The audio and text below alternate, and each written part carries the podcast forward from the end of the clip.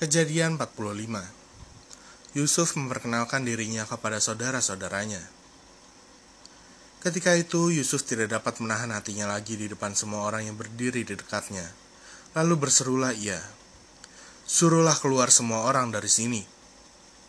Maka tidak ada seorang pun yang tinggal di situ bersama-sama Yusuf ketika ia memperkenalkan dirinya kepada saudara-saudaranya. Setelah itu menangislah ia keras-keras sehingga kedengaran kepada orang Mesir dan kepada seisi istana Firaun. Dan Yusuf berkata kepada saudara-saudaranya, Akulah Yusuf, masih hidupkah Bapa? Tetapi saudara-saudaranya tidak dapat menjawabnya, sebab mereka takut dan gemetaran menghadapi dia. Lalu kata Yusuf kepada saudara-saudaranya itu, Marilah dekat-dekat. Maka mendekatlah mereka. Katanya lagi, Akulah Yusuf, saudaramu, yang kamu jual ke Mesir. Tetapi sekarang, janganlah bersusah hati dan janganlah menyesali diri. Karena kamu menjual aku ke sini, sebab untuk memelihara kehidupanlah Allah menyuruh aku mendahului kamu. Karena telah dua tahun ada kelaparan dalam negeri ini, dan selama lima tahun lagi orang tidak akan membajak atau menuai.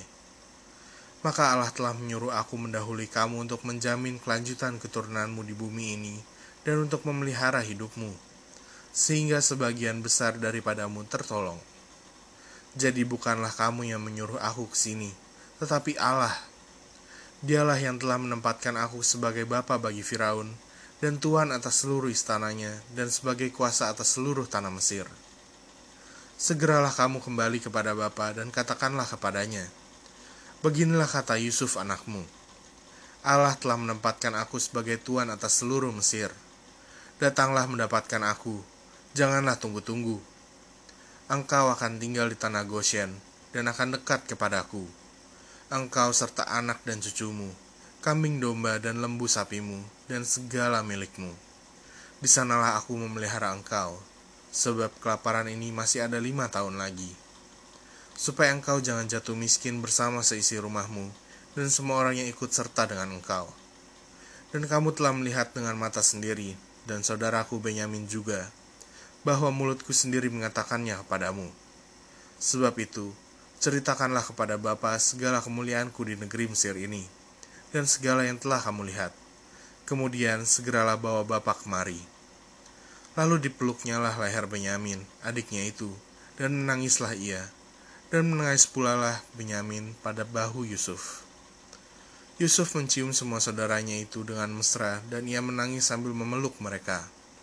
Sesudah itu barulah saudara-saudaranya bercakap-cakap dengan dia. Ketika dalam istana Firaun terdengar kabar bahwa saudara-saudara Yusuf datang, hal itu diterima dengan baik oleh Firaun dan pegawai-pegawainya. Lalu berkatalah Firaun kepada Yusuf, Katakanlah kepada saudara-saudaramu, buatlah begini, muatilah binatang-binatangmu dan pergilah ke tanah Kanaan. Jemputlah ayahmu dan seisi rumahmu, dan datanglah mendapatkan aku maka aku akan memberikan kepadamu apa yang paling baik di tanah Mesir, sehingga kamu akan mengecap kesuburan tanah ini. Selanjutnya engkau mendapat perintah mengatakan kepada mereka, Buatlah begini, bawalah kereta dari tanah Mesir untuk anak-anakmu dan istri-istrimu. Jemputlah ayahmu dari sana dan datanglah kemari. Janganlah kamu merasa sayang meninggalkan barang-barangmu, sebab apa yang paling baik di seluruh tanah Mesir ini adalah milikmu Demikianlah dilakukan oleh anak-anak Israel itu. Yusuf memberikan kereta kepada mereka menurut perintah Firaun. Juga diberikan kepada mereka bekal di jalan. Kepada mereka masing-masing diberikannya sepotong pesalin, dan kepada Benyamin diberikannya 300 uang perak dan lima potong pesalin. Di samping itu kepada ayahnya dikirimkannya 10 ekor keledai jantan, dimuati dengan apa yang paling baik di Mesir.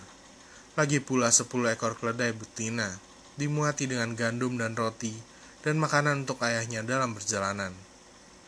Kemudian ia melepas saudara-saudaranya serta berkata kepada mereka, Janganlah berbantah-bantah di jalan. Demikianlah mereka pergi dari tanah Mesir dan sampai di tanah Kanaan kepada Yakub, ayah mereka. Mereka menceritakan kepadanya, Yusuf masih hidup, bahkan dialah yang menjadi kuasa atas seluruh tanah Mesir.